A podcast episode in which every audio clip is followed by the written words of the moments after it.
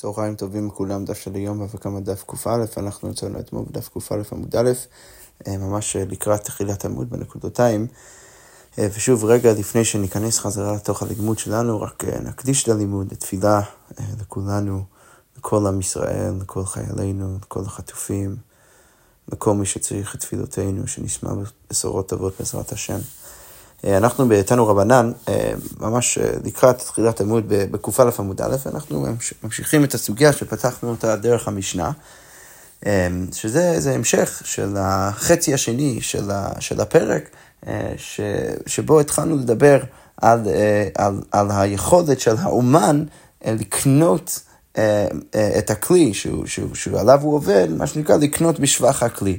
אה, ואתמול אנחנו ראינו במשנה אה, מחלוקת בין אה, רבי מאיר ורבי יהודה בסיטואציה שבו האומן קיבל צמר כדי לצבוע את זה בצבע מסוים, נגיד לצבוע את זה בצבע אדום, ובמקום לצבוע את זה אדום הוא צבע את השחור, או הפוך.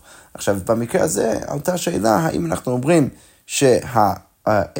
שהאומן, על ידי זה שהוא בעצם השביח את הכלי, הוא גם קנה את הכלי, ולכן זה בעצם הופך להיות שלו, ועכשיו הוא צריך לשלם את, את דמי הצמר חזרה לבעלים הראשונים של הצמר, והוא האומן מקבל את הצמר, או אם אנחנו אומרים שבמקרה הזה הוא לא קונה את הצמר, או אולי הוא אמור לקנות את זה, אבל בכל מקרה אנחנו קונסים אותו, כי הוא לא עשה את העבודה הנכונה, ולכן אנחנו אומרים שבעצם בעל הצמר יכול לשלם לו עבור העבודה שהוא עשה, ולא רק זה, אלא גם כן שידו של בעל הצמר על העליונה.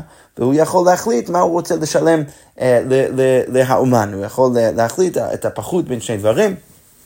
ראינו במשנה, הפחות בין ההוצאות שהאומן אה, הוציא, הכסף שהוא הוציא כדי לעשות את העבודה, והשבח שהוא השביח את הצמר. אם השבח פחות מההוצאות, אז הוא צריך לשלם לו רק את השבח, ואם ההוצאות אה, אה, פחותות מה, אה, מהשבח, אז הוא יכול לשלם לו רק את ההוצאות.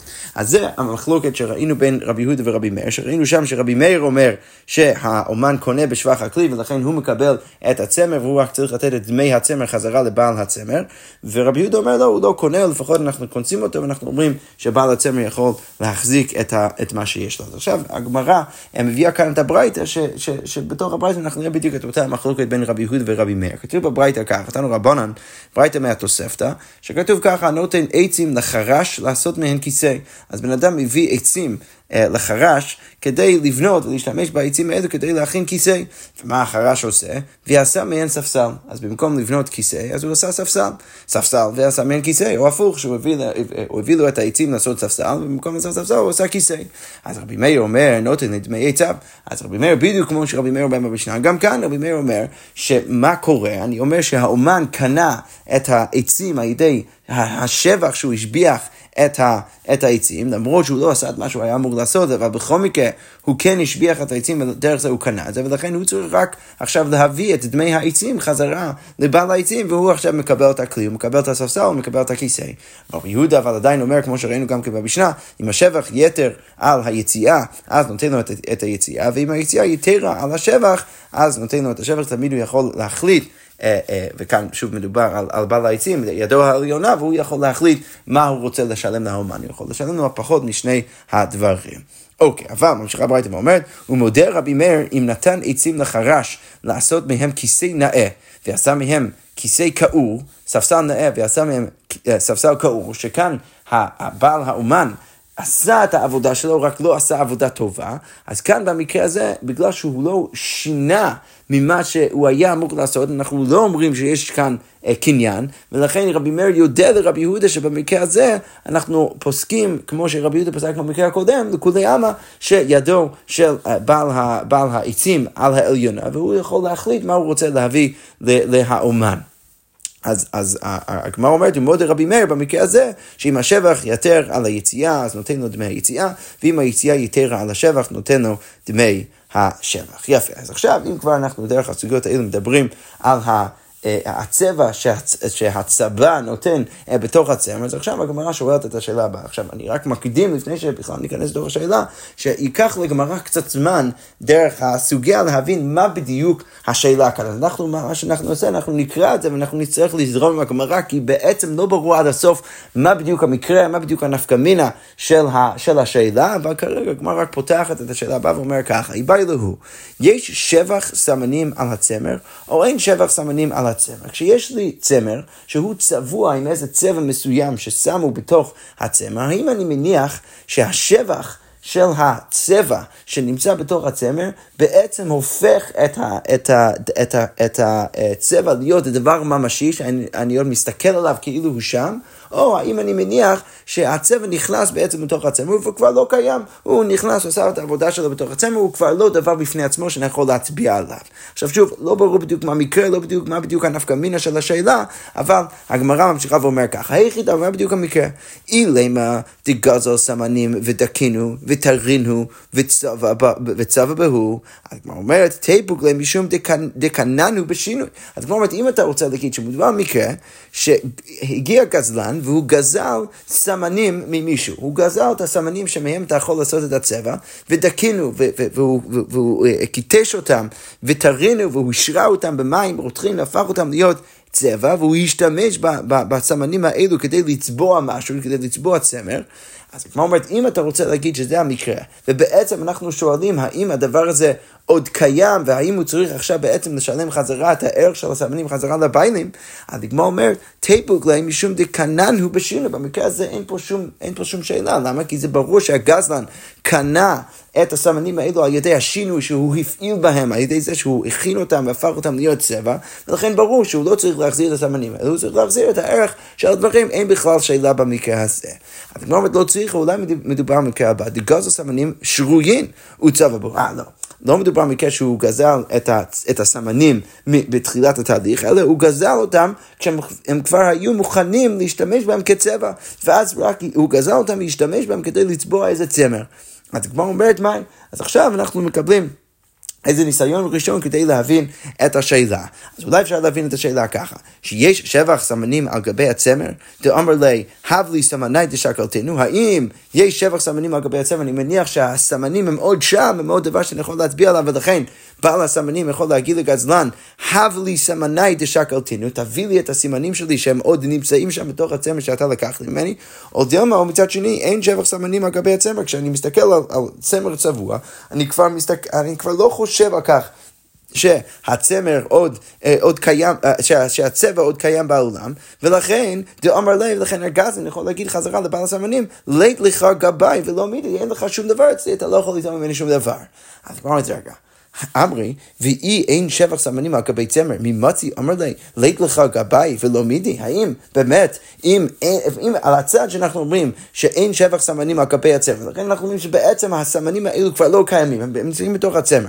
באמת אתה רוצה להגיד שהגזן יכול לטעון לבעל הסמנים שאין לך שום טענה נגדי, אתה לא יכול לטעון שום דבר ממני?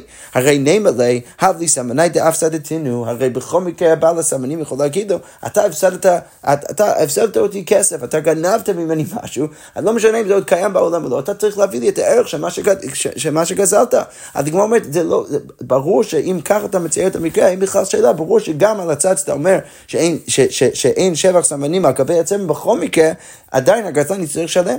אז הגמרא אומרת, אלו בהך כיסא, אולי צריך לשאול את השאלה ככה, האם אין שבח סמנים על גבי הצמר ובי שלום אליי, אולי אפשר להגיד שאין שבח סמנים על גבי הצמר, הצבע כבר לא קיים, ולכן ברור שהגזלן צריך לשלם את הערך של הסמנים חזרה לבעל הסמנים, או דילמה יש שבח סמנים על גבי הצמר, או אולי אפשר להגיד שיש אה, שבח סמנים על גבי הצמר, לכן אני עוד מסתכל על הסמנים כאילו הם עוד קיימים, ואומר לי, והגזלן יכול להגיד לבעל הסמנים, המנחי כמך שקלים, בסדר, הם, הם כאן, הנה, קח את הצבע שלך. ואם אתה לא יכול לקחת את הצבע, אז אני לא צריך לשלם לך שום דבר. הרי הצבע עוד קיים, הוא נמצא בתוך הצמר, אז הנה, קח את זה, קח את זה, ומעולה, ואני לא צריך לשלם לך. עכשיו, כמובן, שמה גזלן בעצם טוען? הוא טוען שזה עוד קיים בעולם, אבל אין, אין לך שום דבר שאתה יכול לעשות עם זה, אתה לא יכול לקחת את זה, כי זה מחובר עכשיו, זה בתוך הצמר. אז כמו אומרת, אולי זאת השאלה, שמצד אחד אולי אפשר להגיד, שזה כבר לא קיים ולכן ברור שהגזן צריך לשלם את הערך. מצד שני אפשר להגיד אולי שזה כן קיים ולכן בעצם אין לבעל, הצבע שום דבר שהוא יכול לעשות. אז בואו נראה, האם זה באמת אופציה? שקלינו מה באמת הוא יכול לטעון נגד בעל, הסמנים, בעל, הצבע, שוואי הנה בוא, בוא קח, את קח את הצבע שלך. הרי במאי, הגמרא אומרת במאי שקלו, בצפון מה אתה רוצה להגיד שהוא ייקח את זה עם איזה חומר שמוריד את זה מהצמר? הרי צפון הבורי מעבר, זה, זה מעביר את זה מהצמר, אבל לא הופך את זה להיות משהו שהוא אחרי זה יהיה שימושי אה, אה, להשתמש בו שוב. אז כמו אומרת, השבה לא עביד, הרי זה לא נחשב כהשבה, ולכן ברור שזאת גם כן לא השאלה, לא יכול להיות ש, ש, שזאת השאלה. אז כמו אומרת, אלא אחר במאזכין צריך להגיד שמדובר במקרה הבא. שוב, כל זה רק כדי להבין בכלל את השאלה. אז כמו אומרת, מה, מה בדיוק המקרה? כגון דגזל צמר וסמנים דחד. מדובר במקרה שבן אדם גזל גם את הצמר וגם את הסמנים של בן אדם אחד, וצבעי להוא צמר בהנח סמנים, והוא השתמש בסמנים האלו כדי לצבוע את הצמר שהוא גזל. וכמה הדלי ניהלי לצמר, ואז כשהוא מחזיר את הגזל שלו, הוא מחזיר את הגזל, את הצמר, שהוא צבוע עם הצבע של הסמנים.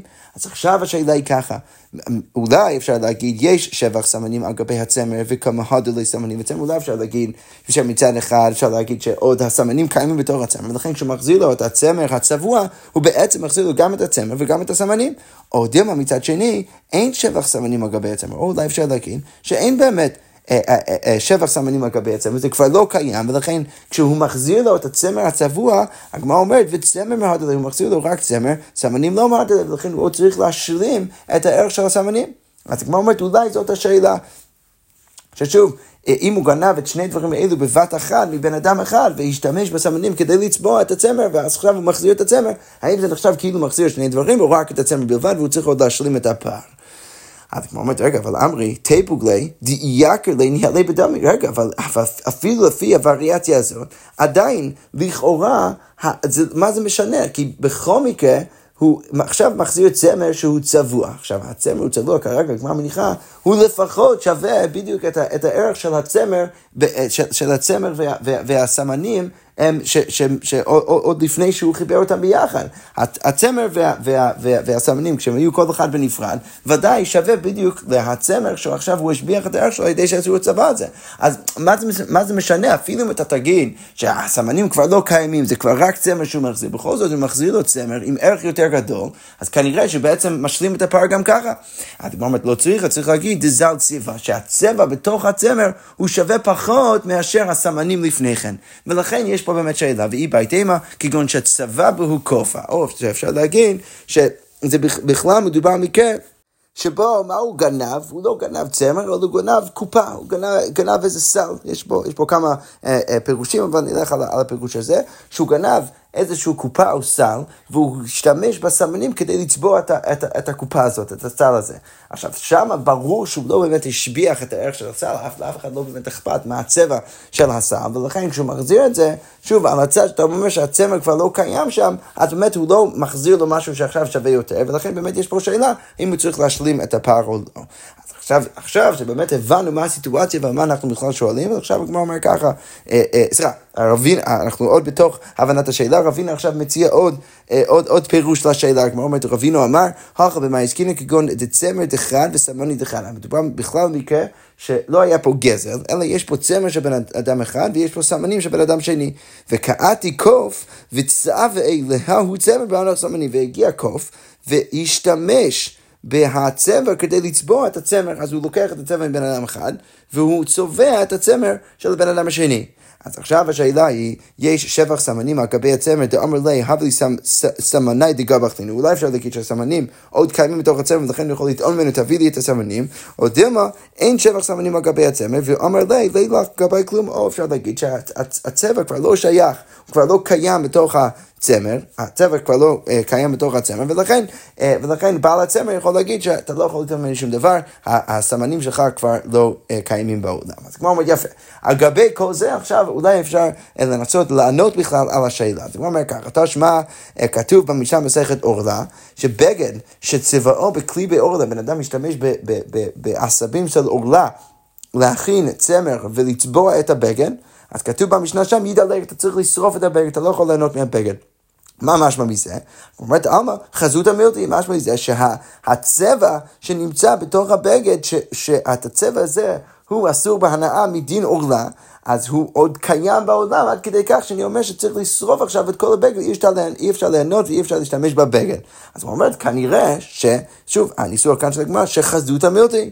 אז הוא אומר, לא, אמר רבא, הנא הניר לעיניים אסרתו. לא, לגבי עורלה יש חידוש שאפילו הנאה שאתה רואה בעיניים שלך זה גם כן נחשב כאיסור, אה, איסור הנאה של, של עורלה, וזה לא בהכרח אומר שאנחנו אומרים את זה בכללי לגבי חזות אה, בכללי בכל מקרה ומקרה. ולכן הוא אומר, זה דווקא דין עצר לא רע, כמו שכתוב בברייתא, דני כתוב בברייתא, הרבים לא יאכל. אז מה, מה, מה הברייתא לומדת מהפסוק? אין לי אלא איסור אכילה מניין שלא יהנה ממנו. מאיפה אני יודע אתה לא יכול ליהנות מעורלה ולא יצבע בו, ואתה גם כן לא יכול להשתמש בו כדי לצבוע, ולא ידליק בו את הנר, וגם כן אתה לא יכול להשתמש בזה כדי להדליק את הנר. תלמוד לומר, והרגלתם עורלתו את פריו. הרעילים לא יאכל לרבות את כולם, זה מרבה את הכל, שגם את הצבע, גם ההנאה הנראה לעיניים, גם זה יהיה אסור, אבל דווקא לגבי עורליו זה לא בהכרח מעיד על משהו יותר רחב לגבי חזותה. אז כמו אומרת תשמע בוא ננסה להביא עוד ראייה. מברייתא, שכאן הברייתא, בדיוק כמו הברייתא, המשנה הקודמת, אלא שכאן לא מדובר על עורלה, אלא מדובר על שביעית, על שנת השמיטה. כתוב בברייתא בגד שצבעו בקליפי שביעית, גם שם ידלק. אז לכאורה משמע גם כן חזות המילטי. אז כמו אומרת לו, שאני אותם, דאמר קרא תהיה בהווייתה תהא, שהאיסור של השביעית שנמצא בתוך, ה, בתוך החומר או התבואה או העשבים שאתה משתמש בהם, הוא תמיד נשאר שם. ככה הגמרא דורשת כמה וכמה פעמים על הפסוק שמדבר על, אה, אה, על השמיטה. סליחה, הפסוק השלם, ולבהמתך ולחיה אשר בארצך תהיה כל תבואתה לאכול, מה משמע מזה? תהיה בהווייתה תהיה. שתמיד אני, אני מניח שהקדושה של השביעי נמצא שם, ולכן זה לא בהכרח נכון להסיק מהברייתא שתמיד אני אומר שחסות המילטי יכול להיות שזה שאני אוסר את הבגד בגלל שצברו אותו עם משהו שיש בו קדושה שביעית, זה דין מיוחד לגבי שביעית, שוב, דין מיוחד לגבי שביעית, דין מיוחד גם כן לגבי עולה, אבל בכללי זה לא בהכרח נכון. יפה, אז, אז בסוף אנחנו לא, לא באמת עונים על השאלה, אבל דרך זה שאנחנו נכנסנו בכלל לתוך השאלה של חזות המילטי, הדגמר עכשיו מביאה את הסוגיה הבאה. אז רב הרמי, רב עכשיו מביא סתירה בין שני מקורות התנאיים. קודם כל, תנאי כתוב במשנה מסכת עולם, מה שראינו בעמוד א', בגד שצבעו בקליפי אורלה ידלג, אם יש לך בגד שצבעת אותו בקליפי אורלה, צריך לשרוף את כל הבגד, הוא אסור בהנאה. מה משמע מזה? עלמא חזות המילטי. שוב, זה בלי התירוץ שאנחנו תירצנו מודע, וכנראה שרב המניח שמהמשנה הזאת אפשר כן להסיק שחזות המילטי, שהראות או הנראות, הצבע שנמצא בתוך הבגד הוא עדיין משמעותי בעולם, ולכן אם יש עליו איסור הנאה מדין אורלה, אז צריך עכשיו לשרוף את כל הבגד.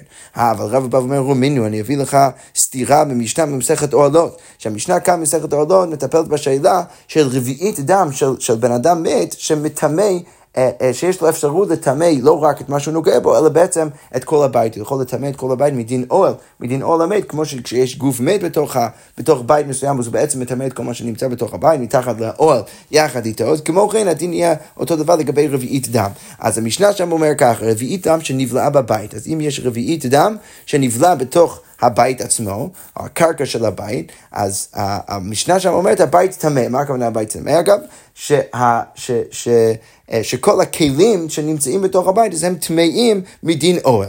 אבל אה, אה, זה מאוד יפה אם ככה היה הגרסה היחידה, אבל הגמרא אומרת, ואמרי לו הבית טהור, אבל יש שאומרים, יש עוד מסורת של הבית טהור, דווקא הכלים שנמצאים בתוך הבית הם טהורים. הגמרא אומרת, ולא פליגי, וזה לא קשה, הא בכלים דהבה מעיקר, הכלים שהיו שם מלכתחילה, שאדם עוד היה חי, ולפני שהוא נבלע בתוך, בתוך קרקע הבית, אז הכלים האלו באמת טמאים, אבל הא בכלים דעתו בסוף, כלים שהגיעו אחר כך, אז הם באמת טהורים, אין פה סתירה.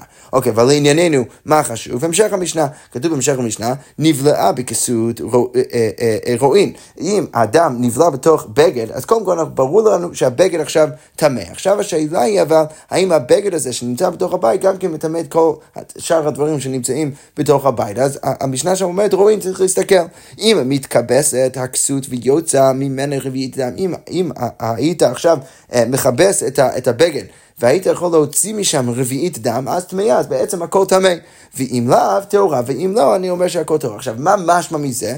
משמע מזה שמה שרלוונטי זה לא הכמות אה, דם ש, ש, שצובע את הבגד, ש, ש, שמגדיר בשבילי, מכריע בשבילי, האם הבגד מטמא או לא, אלא זה רק מה שאני יכול להוציא משם. אז מה משמע מזה? שדווקא אני נותן משמעות למה שאני יכול להוציא מזה, שאני יודע שהוא עדיין נחשב בעולם, אבל משהו שאני לא יכול להוציא, למרות שהוא נותן צבע, אז הוא, הוא לא באמת רלוונטי לשאלה של טומאה. משמע מזה שמה? שאני אומר שחזותא לאו מילתי. אז רב בא ואומר, יש פה סתירה. מצד אחד במשנה מסכת עולם משמע שחזותא מילתי, מצד שני מהמשנה מסכת עולם משמע שחזותא לאו מילתי. אז הוא אומר, למה רב כאן? באמת צריך להגיד שחזותא מילתי. היי, אז למה שם במשנה מסכת אוהלות אנחנו מקילים? אז רב כאן בא ואומר, מכולי רביעיות שאנו כאן, כי יש שם כולה לגבי האפשרות של רביעית הדם לטמא. למה? כי מדובר שם ספציפית באיזה סוג דם? בדם תבוסה דרבנן. מדובר על דם תבוסה, דם תבוסה זה דם שיוצא מהבן אדם חלק אחרי שהוא מת, אבל חלק שעוד חי, ולכן הטומאה, זה שהדם הזה מטמא באוהל, הוא רק מדרבנן ולא מדאורייתא, ולכן אני מקל. הגמרא אומרת, הנה חינמי, באמת אפשר להגיד שחזות אמרתי, ולמה אני מקל במסכת העולות, להגיד שאני בעצם מחשיב רק את הדם שהיה יוצא מהבגר, ולא מה שנשאר שם ונותן את הצבע ואת הנראות, זה בגלל שגם ככה האיסור שם, או, או החומה שם, זה רק מדרבנן ולא מדאורייתא, אבל בדרך כלל כן אפשר להגיד שחזות אמרתי. אוקיי, אם כבר אנחנו בתוך סתירות אה, שרבא מביא, אז רבא כבר אומר את רבא רמי, רבא מביא עוד סתירה במשנה אה, אה, ממסכת שביעי, כתוב שם במשנה ממסכת שביעי, תנן ממין הצובעין ספיחי סטיס וקוצה. אם יש ספיחים, יש עשבים שגדלים מהם בעצמם. בשנת השמיטה, שמשתמשים בהם כדי להכין כל מיני צבעים, אז המשנה שם אומרת, יש להם שביעית ולטמאן שביעית, אז אני, אני מניח שיש קדושת שביעית בתוך הסמנים האלו, וגם כן לכסף שהיית אולי יכול להרוויח מזה, גם כן אה, אה, יש, יש בו קדושת שביעית, יש להם ביור וטמאן ביור, וגם כן בשעת הביור, לא ניכנס לכל ההלכות של, הלכות שמיטה, אבל אחרי שהשתמשו בכל הסמנים האלו אה, בשדה, אז אתה כבר צריך גם כן לבאר אותם מהבית, אז זה יהיה רלוונטי, הדין הזה, דין הביאור יהיה רלוונטי גם כן לגבי הספיחים האלו, אה, וגם כן לדמי מהם, אז שוב, רק אני קורא את זה, אני, אני מקריא את זה שוב, יש, יש להם שביעית ולדמיהם שביעית, יש להם ביור ולדמיהם ביור. בכל מקרה, מה אבל משמע מזה? אז כמו אומרת, אמה עצים יש בהם משום קדושת שביעית. משמע מזה שהעצים האלו שמשתמשים בהם כדי להכין צבע, יש בו משום קדושת שביעית. אז כמו אומרת, רגע רמינו, אני אביא לך סתירה מברייתא, כתוב בברייתא עלי קנים ועלי גפנים, שגיבבן בחייבה על פני השדה. אגב, מה זה הגיבבן בחבר? רש"י כותב לעשות מהם מחבור, אוצר לימות החורף, אז הוא עושה איזה ערימה של העצים האלו כדי להשתמש בהם אה, בימות החורף, כדי אה, אה, שיהיה לו את כל העצים האלו במקום אחד כדי להשתמש בהם.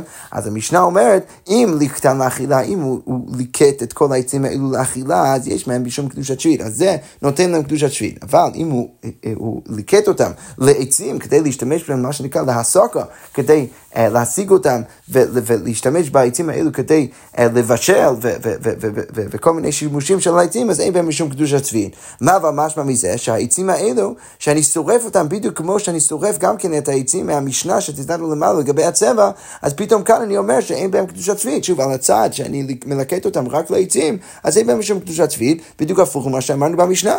אז הגמרא אומרת, יש כאן קושה. אז רבא בא ואומר, משני, הגמרא מספרת שרבא תירץ את הסתירה שלו, ובא ואמר, אמר כך כתוב בתורה לאוכלה. אז, אז כתוב לגבי הדברים שיש בהם קדושת שביעי, כתוב לאוכלה. מה אני לומד משם? הרב בא ואומר, במי שהנאתו וביאורו שווים. משהו שאני מקבל את ההנאה ממנו בדיוק באותו אה, אה, שלב שבו אני שורף אותו, אז אותו אני אומר, אצלו אני אומר שיש קדושת שביעית. ולכן לגבי העצים של הסמנים, של הצבע, אז בגלל ששורפים אותם, ובדיוק באותו הרגע גם כן מקבלים את הצבע שלהם ומשתמשים בהם, וההנאה מגיעה באותו הרגע, אז יש בו קדושת שביעית. אז יצאו עצים שהנתן אחר ביאור. מובן, אבל זה ממעט את העצים שההנאה מגיעה רק אחרי הביאור. כי מה אתה עושה בעצם עם העצים? אתה שורף אותם ואתה הופך אותם רק להיות פחמים, שעל גבי זה אתה יכול עכשיו לבשל ולהשתמש בהם. ולכן בעצם ההנאה מגיעה אחרי הביאור, ולכן שם אין קדושת צפית. אז כמו רגע, והאיכא עצים דמישכן, אבל יש עצים. אה, אה, שמשתמשים בו, אה, כן, באותה הצורה, דהנתן ביאורן שווין, שההנאה והביאור מגיע באותו הרגע, שאתה משתמש, משתמש בדברים האלו לחום, לחמם את הבית, אז לכאורה שם היית צריך להגיד שיש קדושת שביעית, למה אנחנו מניחים שבדרך כלל העצים שאתה מלקט אותם בשדה תמיד אין להם קדושת שביעית? אז כמו אומרת, אמר רבא, סתם עצים לעשר כאלה עומדים, ולכן אין לחינם, באמת יש שימוש בעצים האלו, שבאמת ההנאה מגיעה יחד עם הביאור, ולכן היה אמור להיות שם קדושת שביעית, אבל כשהבן אדם סתם מלקט עצים בשדה שלו, אז, אז על הצד שהוא מלקט אותם לא לאוכל, לא לעצים, אני מניח שהוא מלקט אותם להסקה, ואצל ההסקה הנאה מגיע אחרי ביור, ולכן אני, אני אומר בפשט בברייתא שאין שם קדושת שביעית, ואני לא צריך לתפקד כאילו יש שם קדושת שביעית, ורק לגבי הסמנים אני אומר שיש קדושת שביעית, כי שם מדובר משהו שאני מבאר אותם, מגבר את ההנאה באותו הרגע, ולכן שם דווקא יש את קדושת השביעית. יפה, אנחנו נעצור כאן ונמשיך בעזרת השם עם המשך הסוגיה. שכוייח.